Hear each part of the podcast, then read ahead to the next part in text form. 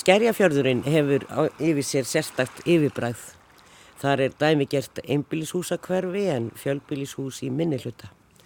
Byggðin hefur orðið til smám saman á löngum tíma og á sér mjög sjálfstæða sögu. Hún stendur í landi jarðarinnar Skildinganes sem áður fyrr var sjálfstæð jörð sem dró nafnsitt af samnemdu nesi sem gengur út í Skerjafjörð.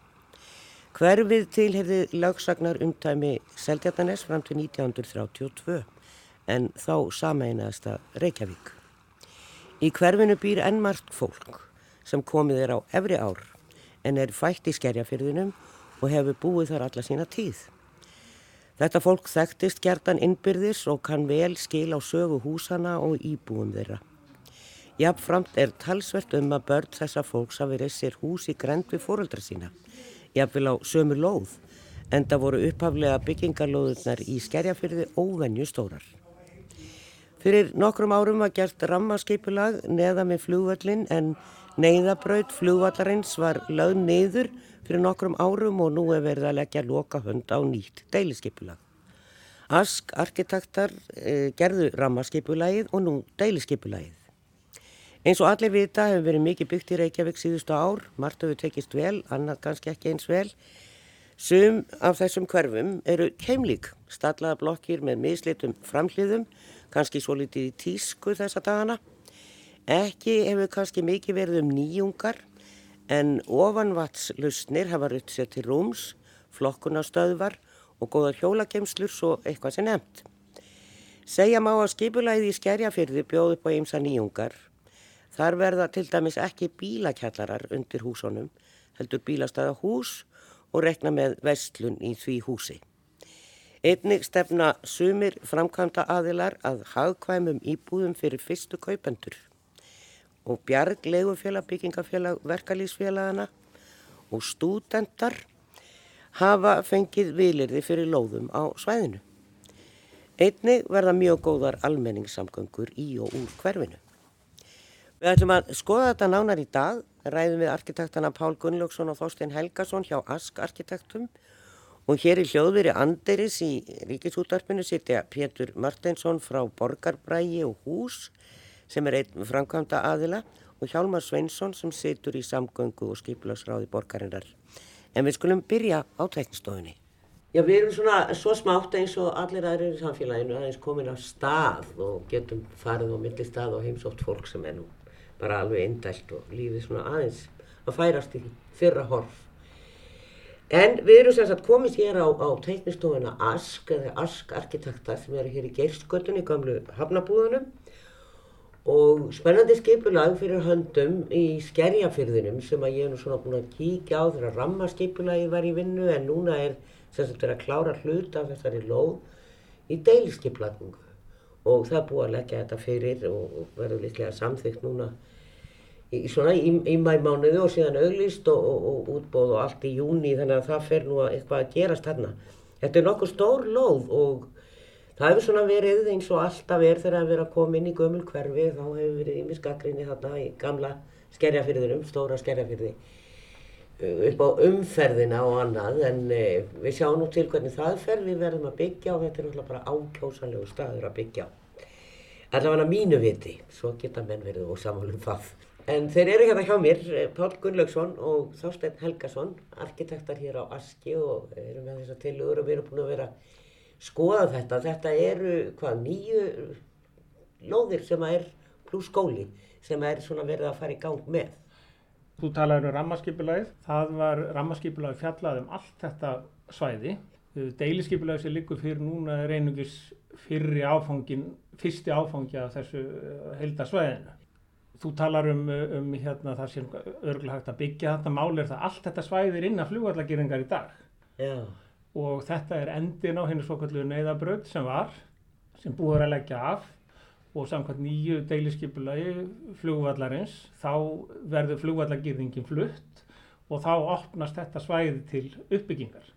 Og þetta svæði hefur alltaf verið hugsað til uppbyggingar án þess að flugvallurum fari Það er að segja að þetta er, hérna tökum við tillit til þess að flugvöldurinn er, tökum við tillit til, til, til uh, helgunarsvæðis flugvöldarins, þannig að, að þetta svæði opnast í raun og veru bara vegna þess að neyðabrautinu lögð af.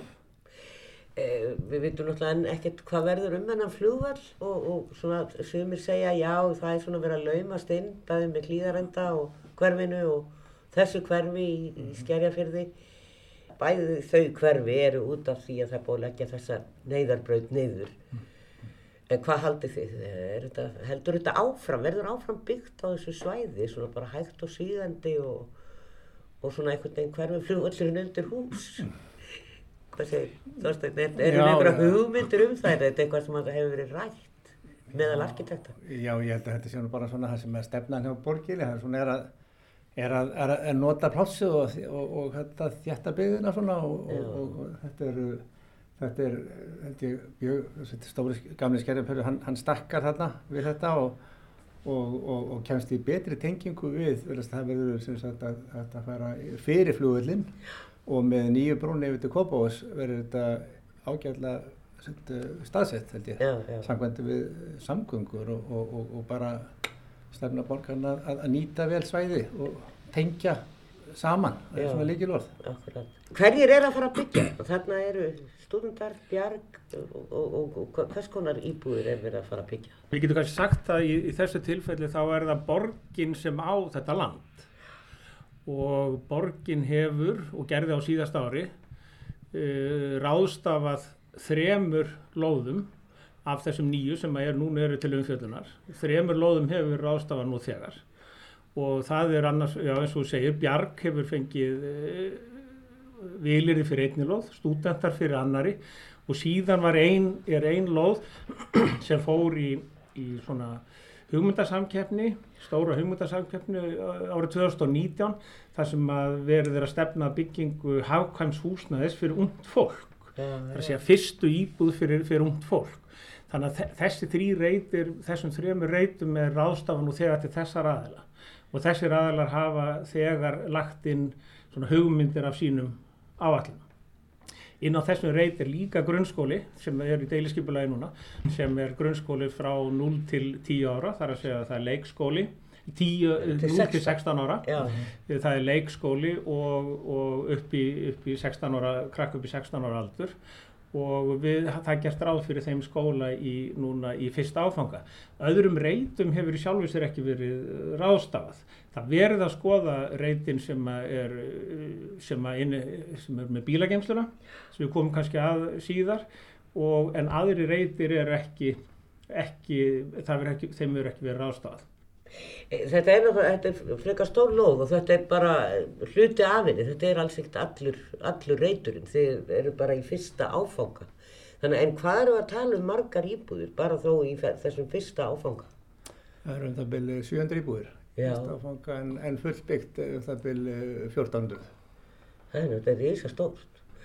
Hvað er ekki talað um 800-900 íbúðir á hlýðarenda reynum? Eitthvað svo? Ég, nei, það hlýtur að vera með. Ég þekki það, ekki alveg en þetta er, uh, þetta verður tiltölulega svona þjættbyggt en ekki, ekki háhús.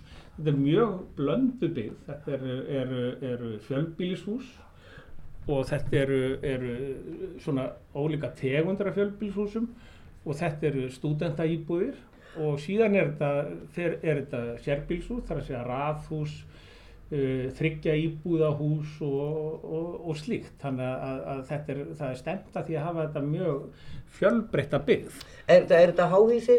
Nei, nei, nei, ég held ekki myndi ég segja það. Og ég myndi, þetta, þessu upphafið, þá, það voru svona þingvöld, þingkoltin voru svona fyrirmyndir Já, já. og, og, og ég er einu svona sk- endurskapa svona göturnar og þetta er nú svona myndi flokkast undir randbyggð og, og, og reyna svona að fá svolítið svona bakgarðana, litlu húsir í görðunum og, og svona fá svolítið þá stemningu. Og, og svona það er, það er í miðsæðis á, á svæðinu er, er, er svona útitorg.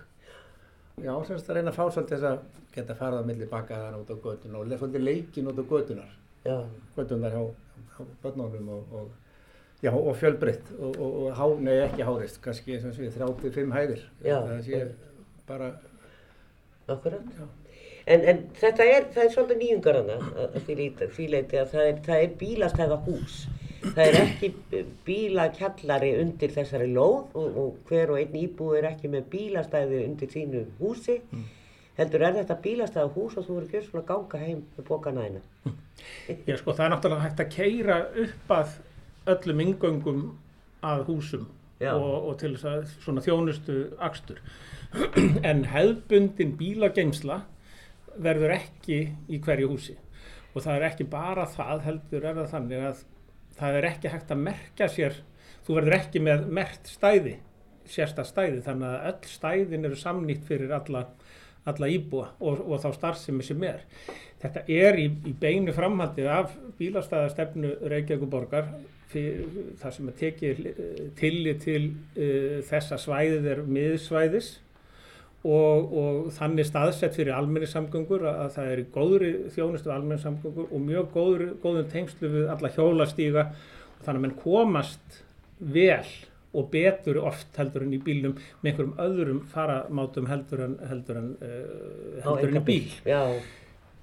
Þannig gerum við í þessu tilfelli ráð fyrir því að það er, sagt, það er ein bílagemsla sem er kannski með um það bíl 400 bíl, bílastæðum og þar þurfa íbúar að leia sér stæði og þá gerum við ráð fyrir því að það er sagt, ekkert sérstatt stæði sem tilherir íbúðinu sjálfu heldur leigjur þér stæðið í bílageimslu ef þú hefur þörf fyrir, þörf fyrir slíkt. Við erum náttúrulega með bílastæði fyrir reyfahamlaða út í götum og við erum með bílastæði fyrir uh, deilibíla út í götum og svo einhver, einhver þjónustustæði sem eru, eru þá gjaldskild en, en öðru leiti gerum ekki ráð fyrir bílastæði, sér, sérstökum bílastæði fyrir, fyrir íbúa. Þannig að þeir íbúar sem þarna koma eru að svona riðja brautina í því að þú ert ekki með bílastæði það er ekki sjálfgefið að þú sért með eh, eigið bílastæði. Nei. Þú verður að leia það og borga fyrir það. En ekki eins og í kannski hefðbundu hús í dag þar sem að það fylgir eitt bílastæði íbúðinni. Þetta er nýjung og þetta er djörf nýjung og, og, og við erum sannfærðum það að, að, að hérna, þetta er eitthvað sem að, að við komum en svona, hvað var síðan, hinnar upprennandi kynnslóðir koma til með að þeim kemur til með að líka þessi, svona, þessi aðferð. Ja, maður kannski hefði betur við það, þá kannski að skemmtilega vita kannski er að Að, að, að í dag er svona í þessum hefbundu blokku þá fyrir fólk beintir í kjallara sín og kemur síðan beintir í bíbúinu sína yeah. en hérna vonast þess að sé þannig að maður, maður fer í húsi og þetta er bjart hús, bílastahús ofanjarðar og, og, og, og svo þetta er mjög þjætt og velindir eru mjög stuttar úr húsinu í, það er mjög centralt og það, það sem við vonum eftir að það verði svona meiri líf á göttunum yeah. að fólk Það hittist. Það hittist sko og það er að segja, þá er það einhver könnun heldur í þingoltarum að, fólk hittist, helminguna hittingi á fólki, þá er reynast að fólk var að fara að lappa og sagja bílinn sína. Það er sko, það er alveg merkilegt sko að maður býr í blokk og, og það er kannski þrýsari viku hittur einhvern innan dyra. En maður hittir fólk utan dyra einhvern veginn þú ert að færa, þú ert að færa það með til staða. Og síðan staðsetning vestlunar sem sagt í tengslu við þessa, þessa bílagenslu og náttúrulega ótrúlega stutt í skólan sem þýðir það að skull barna ætti að vera í lámarki og góða göngu, aðstæður að þá eigum við ekki að vera alltaf með bílum. Við getum lagt bílnum í, í bílagensluhúsið, farið í vestlununa og labba með lappa með pókana heim og, og, og, og þetta gerir það verkum eins og Þorstedt segir að sjáum fyrir okkur að, að það verði fólk á gödunum. Já, við skulum ræða eins um samgöngur þarna á þetta svæði þegar við komum okkar neyrir til Pál. Mm -hmm. Að við ætlum að heimsækja lóðina aðeins á eftir og svona lítast um. En það eru aðra nýjungur þarna líka og það eru þessi litlu hús sem eru inn í, það eru inngarðar mm. í, í þessari randbyggð og þá skapast garður inni en þar eru ímis svona, já allavega hús sem eru kannski í annari nótkunum við erum vönd. Já, það var, það var svona í uppleginu hjá okkur, það var afturnemni þingoltinn og það eru svona hús og bakgarðar og hús í, í bakgarðunum og þetta var svolítið, það er svolítið fyrirmyndin af þessu og, og, og við, það þannig skipulegið, skipulegið það mátti vera þarna, þetta, þetta mátti vera íbúðarhús eða, eða, eða þannig séð og, og það hefur verið ymist nýtt sem, eða, eða hjólagemslu eða hvað sem er og þarna, já, það maður setja séu hjólageimslur eða stúdendarnir sem eru með eitt reyting þarna. Þeir nýta þetta sem Lestrarsal aðstöður og- lestrasal og annað slikt og, og, og er, það eru einhverju sem eru líka með Bjarg er með, Bjarg er með, er með til- hugmyndir um að vera með svona hús þar sem er væri co-living, kannski tíu íbúr með co-living með sama samiðilegt eldhús. Og þeir eru líka með hjólagemslu í, í, inn, í, inn í sínum garði og, uh, og hafkvæmt húsnæði. Þeir, uh, hérna, þe- þeir eru líka með inn, hús inn í þessum garði sem er samiðilegt hús þar sem þeir rekna með samkomisal þvottahúsi og, og, og slíku. Og, það er akkurat svona það sem við lögðum upp með að, að inn í görðunum gæti maður komið upp svona aðstöðu og það er náttúrulega mikið þægilegra þegar þú ert ekki að byggja von á bílagenslu. Þú ert bara með jörðina sem getur byggt á, getur snúið þig eins og vilt og, og, og, og byggt það í sjálfur eins og vilt. Og annað í kannski sambandi við garðan og þessi litlu hús, það í, í gegnum alla þessa reyti, þetta er kannski ein lóð, en það er kvöðum almenna umferð í gegnum allar lóðunar sem þýðir það að við erum kannski að endurvekja svolítið við erum ofta að horfa hérna vestur í bæ í gömlu verk og það sem er svona það sem geta svona lapp er svona almennar göngulegðir í gegnum svona svæði. Brávallegatan og og, og það og, og, og, og hérna að maður getur upplifað þetta að, að þetta verður svona svolítið leikrými og þú ert aldrei á aldrei á annar manna lóð. Nei, veist, verður bara þetta er það almenna geta farið borgara að geta labbað þetta í gegn og með því að vera með litlu húsin þá, þá ertu að taka svolítið niður kvarðan í umhverfinu og, og, og ert með svona breytilegan kvarða Já. og, og, gefur svona skemmtilegt uh, svona fjölbreytta upplifun þegar þú ert á þessu svæði Gaman að skoða þetta og, og margt spennandi þarna að gerast og þetta er örglega svæði sem að margir vilja ná sér í íbúð. Þetta er centralt og þetta er á fallugum stað við alveg rétt við ströndina. En við skulum heimsækja staðina eins og skoða okkur betur um. Sagðu arkitektarnir Pál Gunnlaugsson og Þásteinn Helgason og hér í Andirit stúdiói útvarsinn sitja þeir Hjálmar Sveinsson borgarfulltrúi og Pétur Martinsson framkvæmdastjóri velkonir. Takk. Eh, kannski byrja aðeins á flugvellinum því að það er náttúrulega alltaf verið að ræða hennar flugvell en eh, og maður svona, þú veist, það er margir sem segja að sé að vera að laumast inn á flugvellin og þeir sérstaklega þeir sem eru harðir í því að hann verði þarna. Og flestum skoðanakönnum kemur í ljós að flestir vilja hafa flugvellin í Vasmíri en þegar fólk hefur verið spurt hvar verður hann 2030 þá svona breytast svörin og þá eru margir sem segja að hann verður örgla farin Ég tala nú ekki um þegar það var spurt fyrir fimm árum síðan. Eh, Hvað haldið þið? Er, eh, hvernig standa þessi mál? Verður, já, það eru margir sem meina að þetta muni bjarga höfuborgin ef hægt var að byggja þarna. Já, það er núna verið að vinna að endurskoðun aðalskipulags borgarnar af því að í skipuleginu sem gildi frá 2010 til 2030 var gert ráð fyrir því að flúvöldurum færi á því tímabili ætti að hluta til að vera farin núna og það er auðvitað að það verður ekki, það er endar einbrautin farinu sem að segja. En um, þannig að ég gerir ráð fyrir því að í endurskoðu skipulegi sem á þá að gilda til 2040 að þar séu, séu hvað við segja, tímasetningum senkað, þannig að brottfur flugvallarins verður þá senkað. Ég er ekki nokkur ræð með það að flugvallunum muni fara, ég þurfa ekki að segja nokkulega hvenar og uh, reyndar er að þannig að ef maður rétt að þá áttu samkvæmt samningi ríkis og borgar uh, æfinga og kennsluflug að vera þegar farið með minnir að það hafi verið 2016-17 sem það átt að fara en hefur ekki ennþá orðið. Nei.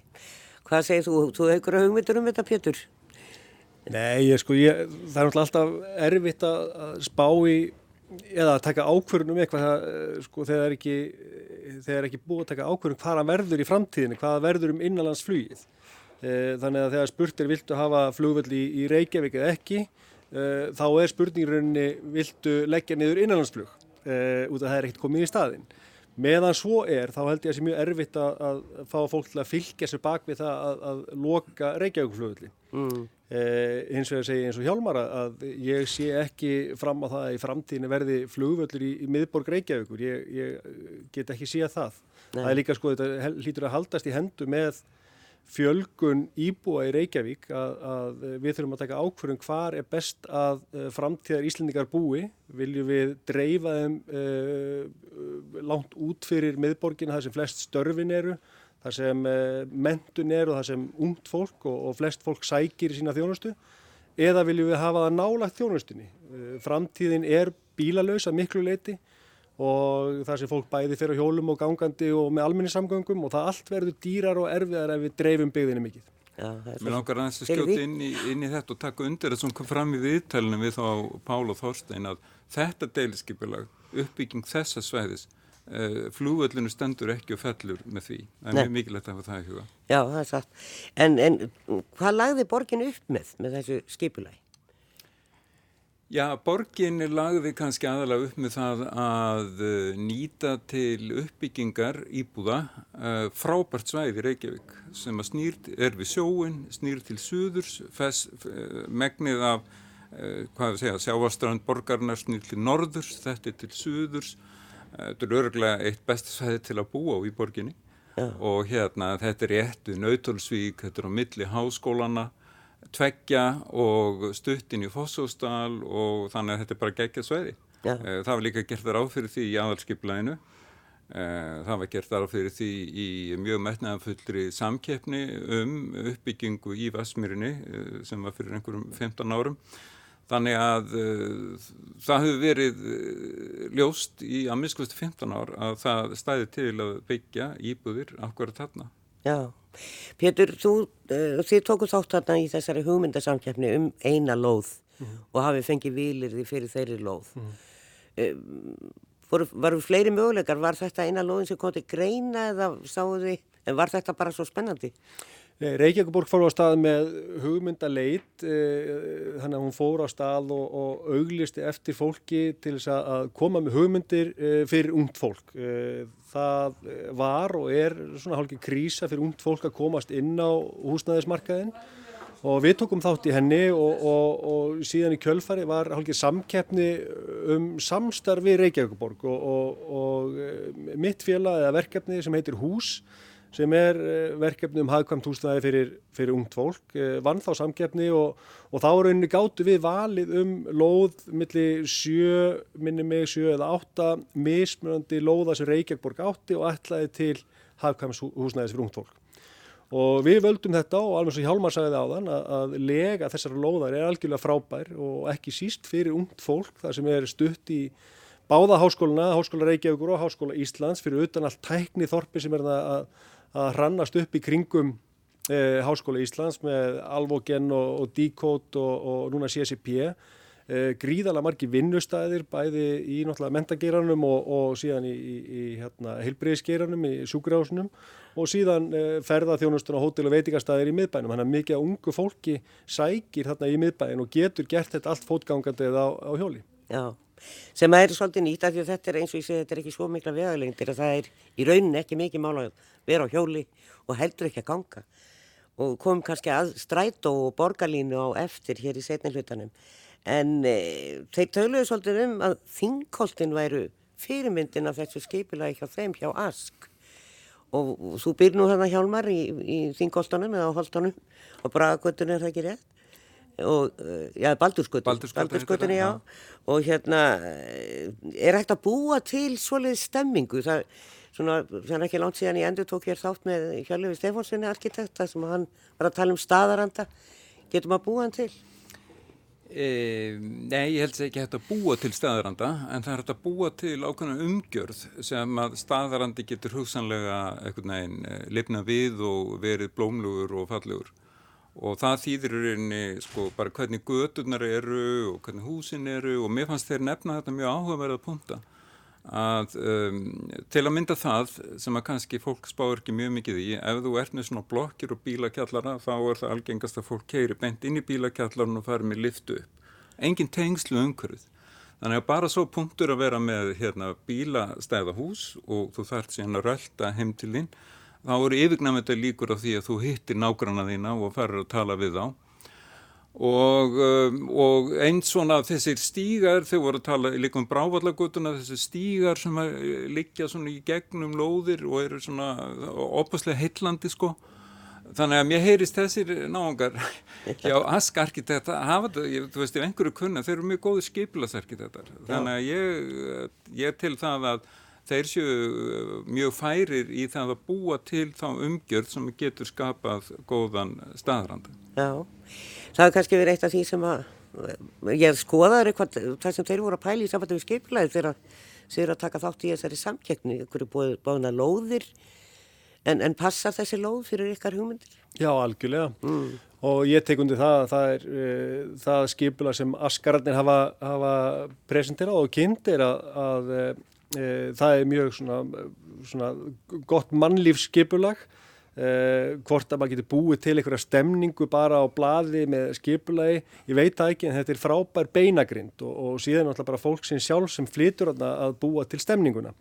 En mér finnst áhersluðnar á á, á þéttabigð og grænsvæð inn á milli og svo er þetta með ströndina og stutti í þessa þjónustu sem við nefndum áðan þá, e, þá er alla líkur að þetta hverfi verði mjög e, líflegt og, og, og að þarna skapist mannlíf. Þetta er umhverfið ennþá daldið lítið hverfi, þetta er, þetta er ekki það margir íbúar og til þess að fá e, kaffihús til þess að blómstra eða og maður oft horfir á erlendis að það eru frábæra götur, þá er það fjöldi fólk sem sem er hérna í kring en, en sko með því að tengja þetta yfir í Nautalsvíkina og, og Háskóla Reykjavíkur og, og svona í rauninni við Vesturbæðin líka þá getur þetta svona organist með tímanum orðið, orðið virkilega skemmtilegt hverfi. Já. Hey, Mákur í byrni þetta fyrir ekki lýsa en, en það er eitt líka annað leikilega atrið og það held ég að sé ákveðin trygging hverju ekki orðið og það er þessi skemmtileg félagsli blöndun og það sé ekki of einhafur eh, hérna, þjóðfélagsópur sem býr þarna. Og akkurat það ætti að vera fengið með því að verkalýs eh, hérna hreyfingin byggir þarna, stúdendar byggir þarna, síðan er þessir aðeilur eins og Pétur sem eru byggið fyrir ungt fólk. Þannig að það er svona ákveðin félagsli blöndur sem þetta mæntanlega leiðir af sér. Já, hér það, en sko það er skiljanlegt að skjærferingar séu svolítið pyrraðir og eru hrættur um sig, þetta er svona doldið þorp í miðri Reykjavík og þetta er eiginlega botlangi og hérna þarna sem sagt þá engin erind í gegnum skerjafjörðum, það er bara fólk sem er að fara ánga sem að keira þarna um. Og þarfir utan þá hefur nú ekki tekist að reyka veslun í mörg mörg ár í skerjafjörði, það var þarna einn við held ég á hotni á Skildinganesi og það er núna bara fítn hambúrgarastöður á hjólaviðgerðir. Það er svona eina þjónustan í hverfinu, börnin fari mela og hagaskóla það er náttúrulega fjölgar þetta fólki og þá er kannski betra að reyka eitthvað eins og kaffehúsin sem Pétur nefndi og, og eitthvað fleira. Já og hérna það er alveg rétt að það eru margir íbúar þarna og ég veit að því hefur verið á fundum og svona, ég veit að það eru margir íbúar þarna sem eru uh, mjög lítið hrifnir af þessu og kannski óttast aðeila umferðina sem að fer þá í gegn og svona maður skilur það mjög vel. En mér er það nú samt minnistætt að á einu fundunum stóð upp ung kona, móðir, sem þess hlakka til að fá þannig að þetta hverfi. Að því hún hlakkar til að fá grunnskóla og jafnveg leikskóla og verslanir þarna í næsta nágrunni við sig. Það sem maður getur bara röllt yfir svolítið fallið grænt svæði. Þannig að um, ég held nú að þetta sé nú heilmikil framtíði þessu og ég held að líka þeirra verið rétt fyrir sér Páll og Þorstein fyrir öskurum svona hvernig þeir voru að lýsa þessum hugmyndum um svona, já kannski svona ekki alveg bílösar götur en svona dálta annan brak ég er alveg samferður um það að svona yngri kynsluður munu uh, hérna verða mjög hrifnar að þessu Nákvæmlega. Við skulum fara aðeins í Skerjafjörðin með Páli Gunnlaugsvinni, arkitekt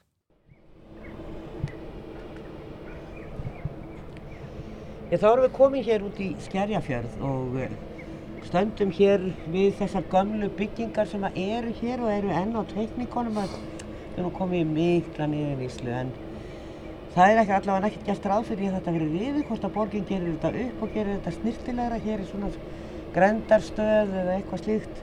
Og hér sjáum við nú hreinlega bara húsin sem við erum búin að vera að ræðum hér á flakinu smá hísin sem að við með að hverja heima. Þau eru bara nokkuð mörg hérna 1, 2, 3, 4, 5 og fleiri af það hinnum meginn, ætla þessi ekki bara einn tíu komin hér. Það er nú óskandi að þessu verður fundið pláss. Nú, en hér erum við hins vegar að tala um nýtt eiginskipulag og uppbyggingu hér á þessari lóð, hérna upp úr. E, við stöndum hérna niður við sjóin, ótrúlega fallet, þetta er náttúrulega dýrlegu staður. Við erum, horfum hér á girðinguna, þar sem, að, sem er girtingingum flugvallinn og þessa grendastöð hérna eða, eða hvað við maður kalla það. Flugskílið er þarna, það verður áfram en við erum samt að horfa hér eða hvað, hér verð kemur einhver landfylling er það ekki rétt hjá mig Pál? E, jú, akkurat það sem við stöndum hérna, við stöndum eiginlega síðst á svæðinu núna þar sem að ströndin er í dag. Rammaskipulagi gerir ráð fyrir landfyllingu hér, uh, hér út söður en í deiliskipulagi fyrsta áfanga þá er sagt, eru, við að, eru við að fjalla um svæði sem er aðeins hérna norðan við og hreyfum ekki við þessari strönd að sinni. En það sem er kannski aðtiklisvert ef við erum að tala um ströndina og landfyllinguna þá er það í gildandi aðalskipulagi þannig að hér er gert ráð fyrir landfyllingu. Ströndin bæði austan og vestan við þetta svæði er, er hverfisvernduð en uh, þessi strönd sem að hér er nýtur yngra verndar enn allavega. En þið ætlir ekki að setja, sko, nú horfum við hér á kant, svona grjót, hlaðning hérna með fram öllu, en þið eru ekki að hugsa um það þið ætlir að hafa áfram strönd sem að það sem að gætir flóðs og fjöru í sandin. Já, við ætlum ekki sem sagt að vera með strandlengju sem að er svona með hlöðunum steinköntum eins og menn kannski þekka hérna niður við, á, á þessu svæði. Heldur allir við að reyna að endurskapa þessa strönd sem að fyrir er, þar að segja að það sé sandströnd, það sé strönd sem að gætir flóðs og fjöru Það eru hérna ákveði mannvirki eins og undirstöður undir, undir gamla oljuleislur. Það er þarna eh, svona draftabraut fyrir katalínuflugbátana sem er og við þurfum að reyna að endurskapa þessa minjar á einhverju leiti. En hér getur verið strönd með sandi og fá að vera og verða, hvað ég var að segja, hún verður náttúrulega á nokkrum árum. Hún kemur þari koma sjófuglar og getur orðið mjög spennandi verkefni að, að endurskapa þessa strönd. En hvað er við að tala um? Við horfum hérna á tanga svona í hérna, vestamegi við Nautólsvíkina. Þar er akkurat... Er, er, er það stopp þar? Já, þetta verður allaveg þetta út? Já, þetta er um fjórir hektarar sem verður hérna uh, fylling og það sem að þú ert að benda á, hérna tangar séðist, þar er það sem að gert er áður fyrir nýri fósfósbrú Já, yfir í Kásnesið. Yfir í Kásnesið. Kásnesbrú segja Kópavásbúar. Og Fossfossbrú segja við hérna meginn og kannski fær hún einhver tíma nýtt nafn. En þannig gerst ráð fyrir brunni yfir og við erum að fylla upp hérna svona uh, í áttina að þessu og uh, búa til hérna svolítið land og ástæðan fyrir því að menn fór út í landfyllingu var fyrst og fremst svo að það var náttúrulega að búa til svæði hér sem væri að einhverju leiti sjálfbært. Það er að segja að til þess að geta fengið það magnbygginga uh, sem þarf til að gera skerjafjörðin þannig og gardigerði að hann verði sjálfbær, hann getur borið skóla, hann getur borið verslun og, og hér getur verið sagt, blómlegt uh, líf. Uh, og þess vegna uh, þurfum við kannski aðeins meira plás. En um leið erum við náttúrulega að varveita hér minjar sem tengjast flýinu og, og þú nefndi nú flugskilið á, á, áður Þetta flugskili fær að standa áfram og verður, verður þar og verður innan girðingar uh, flugvallarins. En hérna aðeins sunnar er, er, er, er annar flugskili, minna, sem er svona tvískipt eins og við sérð. Uh, Sunnamegin er steinsteift flugskili sem að Bárður Danielsson arkitekt teiknaði og uh, norðan við það eru svona bógaskemma sem að flugfélagi Ernir með, með aðstöðu í núna. Við gerum ráð fyrir því og, og, og húsafriðuna nefnd eða minnjastofnun gerum ráð fyrir því að flugskili bárðar verði varfitt og við gerum ráð fyrir því okkar til að svo bygging verði varfitt. Annars eru á þessu svæði e, ekki mikið um minnjar til varfislu. Það eru vjelbissuhreyður og það eru þessi hús sem þú talar um hér áður, þessum grendastöðun er, sem að fá að standa áfram og annars er þetta svæði, hefur þetta svæði verið flugbraut og innan flugvallagirðingar og, og, og, og allsendis ónýtt Já. hinga til. Kosturum við að það eru ekki bílakjallarar eins og þið voru að segja mér þá er, er þetta rekta meira upp, það er ekki bara í kerjum og annað, hér er bara jarðurinn undir. Það er græn slikja, græn trefill alveg frá hverfinu og alveg nýri Vasmíri og eh, En það sem að íbúarnir hér á svæðinu sem að búa hér í Skerjafyrði í þessu litla þorpi getur við sagt því að þetta er svolítið afskiptu staður eins og þetta er í dag. Það eru bara ein leiðin inn á þetta svæði. Nú verða þær tvær þó ekki með bílum því að hinn helmingurinn verður eingöngu hjóla á stræta og gönguleg. já, já. En þeir eru hrættir við það í skerjafyrir hér að hér verður mikið rass. Já, ég, og það er skiljanlegt. Uh, uh, Skerjafjörðurinn í dag er náttúrulega svona, hvað ég var að segja, blindgata, botlangi. Og, uh, og þegar bætist hér við byggð þá kemur til maður aukast umferðin um Einarsnesið sem er svo gata sem liggur næst flugbrautinni til norðurs. Það kemur til maður aukast það, en við gerum ráð fyrir því og það er gert ráð fyrir því að í, þegar framkvæmdir hefjast bæði við uppfyllingu, hugsaðlega hérna við, við Fossásbrúna að þá munu öll umferð, þunga umferð fara söðu fyrir flugvöll og uh, vera, sagt, fara ekki um einarsnesið. Þó það geti uh, sé mjög sennilegt að kannski fyrstu upphafsframkvæmdir og, og, og rannsóknarframkvæmdir og kannski gatnagerð og eitthvað slíkt muni fara um einarsnesið þá verður það uh, sagt reynd að halda því algjör lámarki. Öll umferð mun, þungaumferð mun fara söðu fyrir fyrir, uh, eina, fyrir uh, flugvöll. Hins vegar þegar byggðin er komin hér upp þá mun umferðin um einarsnesi kannski aukast úr 2500 bílum í dag upp í kannski 7000 til þess að bera þá umferð þá hafa verið gerðar svona tillögur að því að lagfæra, lagfæra einarsnesið og breyta því þannig að, að, að, að það verði sagt, minni ánæð fyrir íbúana. En þetta er ekki mikil umferð. Þetta er ekki mikil umferð sem að, sem að kemur til með að, að skapast af þessu svæði getur við sagt. Það sem er kosturinn við það að það er engungu almenningsvagnar sem komast í söðu fyrir skerjaförun er þar að það er engin sem finnur sér, erum, það er engin að styrta sér leið hérna í gegn. Nei, þannig að þetta eru bara íbúar sem koma til með að nýta þessa, þetta, þetta svæði þannig að það er náttúrulega takmarkar umferðina ansi mikið Hvað erum við að tala um með sko, borgarlínan, eða þetta er náttúrulega bara stræt og borgarlínan fer þarna á háskólanum í Reykjavík. Borgarlína fyrir Fer þarna, þarna já. á háskólanum í Reykjavík og síðan yfir Brúnna og yfir í Kásnesi og svo í Hamraborg. Það er í fyrsta áfanga. Eh, Hérna hins vegar, eh, s- syðst, hérna sem að göngustíðurinn er, er, meiningin að stræt og komi hér. Ég myndi Já. það var náttúrulega ekki eðilegja þennan fallega göngustíð. Nei, það gerst ráð fyrir því að strætó komi einastnesið, fari í gegnum okkar, okkar svæði og aftur suðu fyrir, uh, aftur uh, suðu fyrir flugvöll. Þar verður svona tengipunktur fyrir strætó sem er að koma frá Kóbói og, og hingað.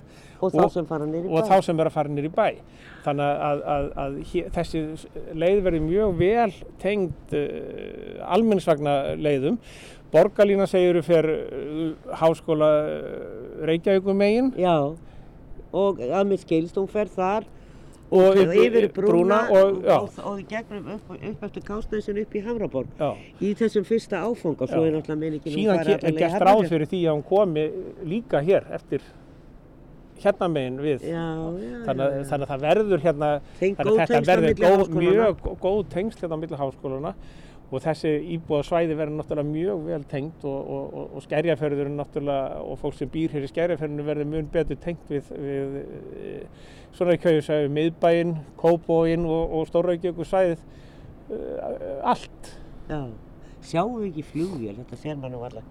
Þetta er bara jafn sjálfgeft og, og, og snjór í júli.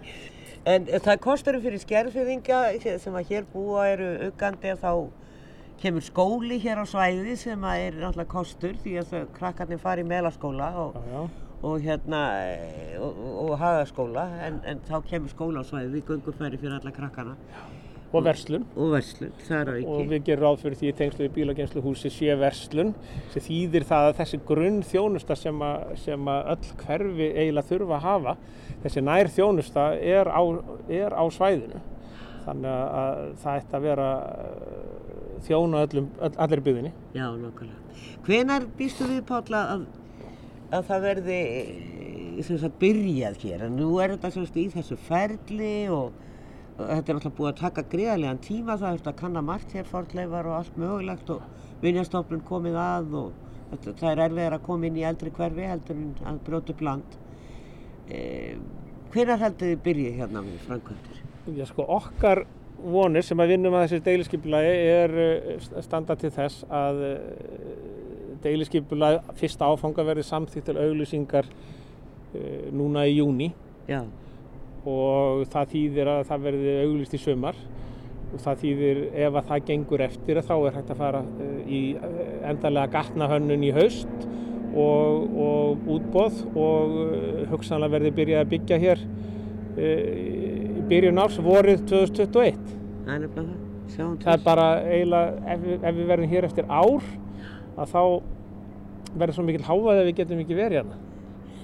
Fyrir vinnuvinn. Allavega flugið ekki að trubla mikið þessa dagana en það fer ein og ein lítil ræll á loft og eitthvað í innanlandsfluginu en annars er miklu minna um flugvílar hérna á svæðinu þessa dagana. Það verður nú að segjast eins og er. En e, þetta verður spennandi, þetta er yndislegu staður í borginu og ég get ekki ímyndað fyrir annað en að það verður eftirsótt að búa hér. Við þakkum Páli Gunnlaugsinni arkitekt hjá Ask arkitektum fyrir og höldum áfram hér með Hjálmari Sveinsinni og Pétri Martinsinni. E, það er, eru þarna gömul hús, Hjálmar. E, þarna er Org, hann, hann Ottur, ættfræðingur er þarna með sína aðstöðu og hvað fleira. Þarna er Grendarstöð.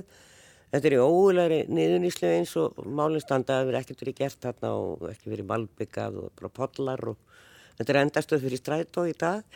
En e, er það eitthvað, af því að hann fyllir það að pála þessi húsi að standa þau eru allavega ekkert inn í, er ekkert niður yfir á þeim í þessu deiliskypulagi. Hafið þið eitthvað að hugsa fyrir, fyrir þeim?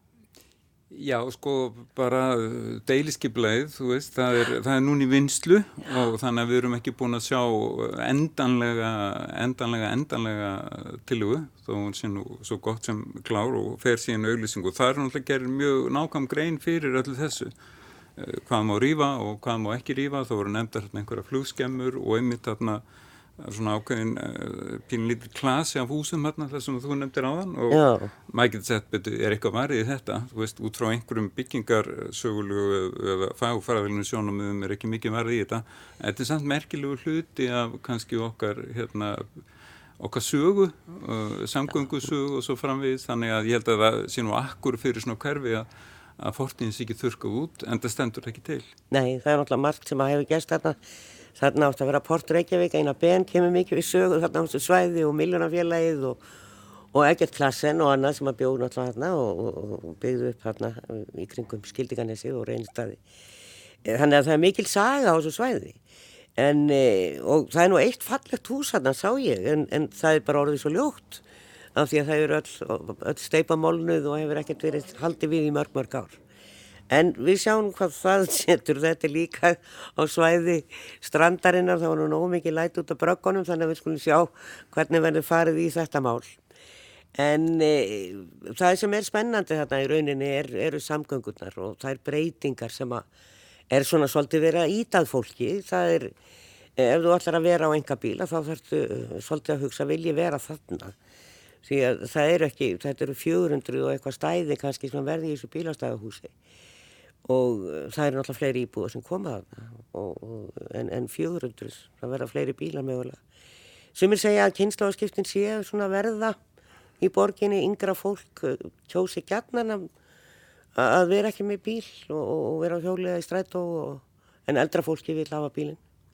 Er, er fólk tilbúið til að fara inn í svona byggð? Já, ég, ég held það sko og, hérna, og það er líka, þú veist, núna í dag er ekki endilega mikil spurningu um það að endilega eiga bíl en þú getur samt nota bíl í gegnum allskins hérna, já, upp Já, já. og hérna deilubílalegur já. örflæðis uh, aðferðir til að komast um milli stað og svona, þannig að það er bara svo mikið úrval og ég held að svona, þessi mikla þörf fyrir að eiga bíl eh, sé verði ekki jafn sterk og það álíka verður þannig að það sé fínt að búa í Reykjavík og eiga bíl en það getur líka verið fínt að búa í Reykjavík og eiga ekki bíl. Já, möguleikin. Hvað segir þú Björtur? Já, Hvað ég- finnur þú á fólki? Um, já, í fyrsta lagi þá, þá held ég að uh, skerjaförðurinn er að gangi gegnum daldi uh, svona uh, breytingar. Uh, það er yngra fólk að flytja inn og ákveðin kynslu að breytinga að, að uh, eiga sér stað. Og, og það sem ég er nú mikið hérna í kringum þessa lóð uh, og, og, svona reyna að fá okkur svona hugljómun og stendarna og labba með hundin mikið og, og hitti mikið af fólki uh, og þá er yngra fólki sem býr í skærafyrði mjög rest og, og spennt að fá þessa nýju byggð. Uh, það virðist þeirra eitthvað svona kynnslóðumunu hvernig þau sjá uh, framtíðina. Ef, ef við ætlum að, auka þátt hjólreiða og göngu og, og hérna, alminnisamganga þá þarf það aðeins að vera kostnað bílsins. Og í þessu deiliskeipulagi eða rammarskipulagi og síðan deiliskeipulagi núna e, þá er bara að byrja á því að hafa fá bílastæði.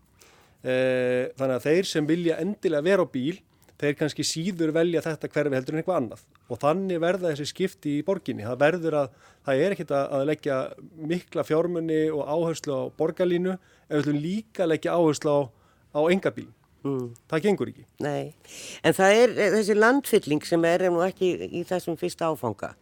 En þarf ekki hjálma þessa landfyllingu til þess að geta haldið áfram að vinna með borgarlínu og brúna?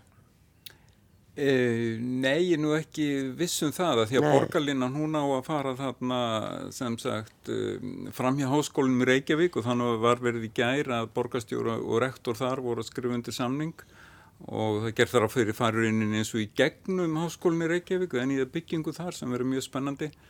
Þannig að þessi landfellinga hún, sagt, hún stendur ekki föllum með borgarlinni e, ég lít bara á það að það sé hérna, þetta er bara aðferð til þess að Eh, geta búið til fleiri íbúður á frábærum stað fyrir hérna, fjölbryttan hóp af fólki. Og ég minna á það að Pétur þekkir þetta betur veit ég að því hann er alltaf á röldinu þarna að ótrúlega stór hlut af þessari strönd er manngjörð sem að þýður auðvitað ekki ef við meðum gera hvað sem er við hann en það er hægt að gera það mjög vel. Já, en svo er spennandi þessi hugmynd hjá Aski að, að þetta ekki grjótkant heldur að þetta verði fjara. Já, algjörlega og, og við bara förum alveg frá seltetanesi út í Nautalsvíkina að þá er stór hluti af þeirri strandlengju eh, manngjörð eh, en hún hins vegar hefur mjög mismöndi svona svip. Eh, þú lappar eftir ægisíðinu og, og, og þú fer hjá Grímstaðafur hvar kannski er mesta mannlífi svona útvistasvæði í Reykjavík. Eh, stöðu þetta fólki að skokka hjóla eða úti með hundana eða rölda og Um daginn var, var, voru ungi krakkar bara í fjörunni uh, að grilla, þannig að það er mikið mannlíf þar. Mm. Þannig að það er ekkit atriði per sé að, að hafa þetta náttúrulega strönd þegar hún er ekki að gera neitt gagn. Þannig að hjá skerjafyrði þessum nýja skipulæðir, það er ekkit mannlíf í dag. Nei, já, já. Þarna á niður á, á stignum. Jú, jú, á stignum, en já, sko já. í ströndinni sjálfur, sko. Nei, nei, nei, nei, það er enginn engin að fara, fara neður í fjöruna þar, ekki mikið, við sáum allavega engan. En... Eh, svona eh, áður við komum að koronaveiru og mögulega tafir vegna þess þá sko þetta er svolítið aftur til fortíðar eh, eins og að vera skipulegja hverfin í dag verslun þarna og, og sendur allt á staðnum sem að náttúrulega bjargar öllum í skerjafyrði mm. Eins og ég sagði á hann, þá er engin búð þarna. Og mm. þú þarfst að fara upp í bílinn til að kaupa mjölkupót og eh, en, en erum við sko svona var þetta þegar ég var stelpa. Þá var, var, voru búður í öllum hverfum og allir gáttu sendt börnir út í búð en hérna eh, tekst snúa, snúa svona við að hverfin verði sjálfbær og fólk fara að nýta sér heimaveslun Já, ég, ég held það og ég vona það og mér finnst líka svona þegar við verðum fyrir svona áföllum eh, þá einhvern veginn fara allir og ja, við þurfum að íhuga hérna einlegu gildi og hvað er það sem gefur lífinu gildi og eitthvað svona og hérna Eh, það er svona hluti af einhverju svona endurskoðun og íhugunartímabili sem ég held að fara að staða núna og ég held að það munir meðal annars uh, hafi för með sér að við endur meðum allskynsluti, lífstíl, umhverfi og svo frammeðis. Um, þannig að ég er hérna, ég er bara bjart sín á þetta allt saman. Mm, Petur? Já, já og það hefur sínt sér líka bara erlendis að, að já, kannski frá svona 1960 þegar svona, eins og ennsku kallast strippmól, þá er sko einhver stað rétt fyrir utan bæin, þá, þá hrúast uh, vestlun og þjónusta saman og allir koma á engabílinu þangað og, og eigða löngum tíma í, í bílaumferð uh, til þess að vestla og vestla oftast mjög mikið sem kannski matvæla sem endar í matvæli sem endar í ruslinu að lokum Þannig að eh, ég bý nú á melónum og, og, og þar er, er í dag gríðalegt mannlíf og, og fólk kemur gangandi í melabúðina og fer með einn eða tvo póka út og jafnvel fer í búðina fjóru-fimm sinum viku.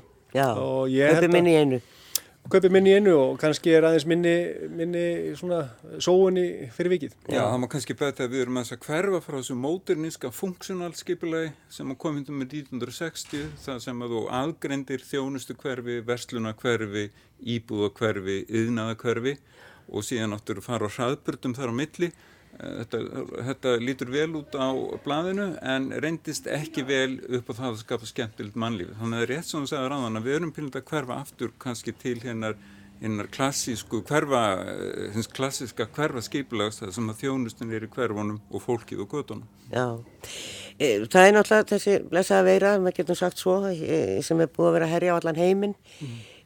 Þetta er náttúrulega draga saman efnahag og atunulíf en, en í byggingageiranum getur þú að hafa verið orð á því við okkur hjálmar hér áðan þetta er búið að taka mjög langan tíma þeir eru enga aðilar hvað heldur þú? Má þetta dragast mikið meir?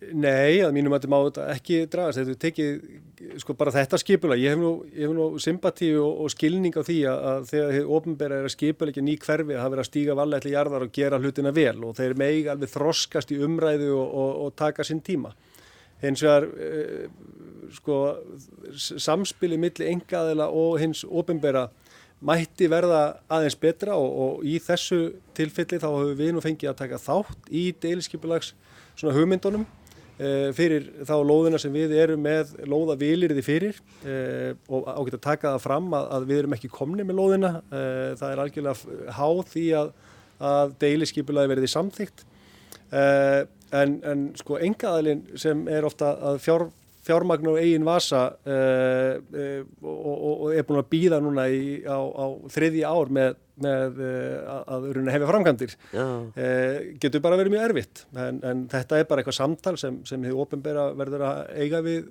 engaðala Já. Þetta verður eitthvað ekstra langu tíma. Mér finnst ég nú alltaf verið að rekast á það að þetta taki bara yfir mjög langan tíma. Já, þetta hefur tilhengu til að taka langan tíma að búa til svona ný hverfi alveg frá grunni en ég, ég vil samt uh, taka undir það sem að Pétur segir eða þá ósk hans að þetta taki einn stuttan tíma mögulegt er Já. og hérna uh, ég er alveg samanlega sem hann segir þegar að enga aðilar sem að byrja á nulli að þú veist, þeir get ekki byggðið í mörg ár að fá einhverja niðurstöðu, þannig að þarna við þurfum bara eitthvað að læra af þessu. En e, haldur að ástandið í samfélaginu og í heiminum með þessum faraldri eigi eftir að breyta, nú vantar vinnu fyrir fjöldamanns og e, já, hvað telur þau? Já, það er, ég veit svo sem ekki til það en ég veit bara að hefur ofnbæra bæði ríki og sveitafjölu og Reykjavík kannski sérstaklega að gera allt sitt núna á næstu missurum til þess að skapa mannfreg störf, það er að segja færi framkvæmdir sem að útheimta fjölda manna og það er ekki síst í byggingageranum. Um, ég uh, einhvern veginn hefði ímyndað mér að það muni verða bara síaukin eftirsókn eftir þessum lóðum það sem er búið að uh, sagt, gefa vilirði fyrir verkefliðsfélagin, lóðum sem Pétur með hagkvæmt húsnaði fyrir ungt fólk og félagstofnum stúdenda uh, ég sé ekkit annað en að það verði uh, mikil eftirspurn eftir slíku og hérna en geta öru litið þetta ekki svara svona hvað engamarkaður en nema það að þessi staðsetning hefur svo óbúslega miklu kosti þannig ég er nú frekar bjart fyrir hann þeirra sem að vilja byggja þarna Það er nefnilega það. Komst ekki lengra að vera spennand að ræða þetta og þetta verið spennand að sjá þegar eh, eitthvað hefst þarna og ég tala um um þegar því ég er lokið. Pétur Martinsson, eh, frangatastöri í Borgabrægi eða hús og þakka þér og Hjálmar Sveinsson, Borgafjöldrúi, þakka þér fyrir. Takk fyrir. Takk.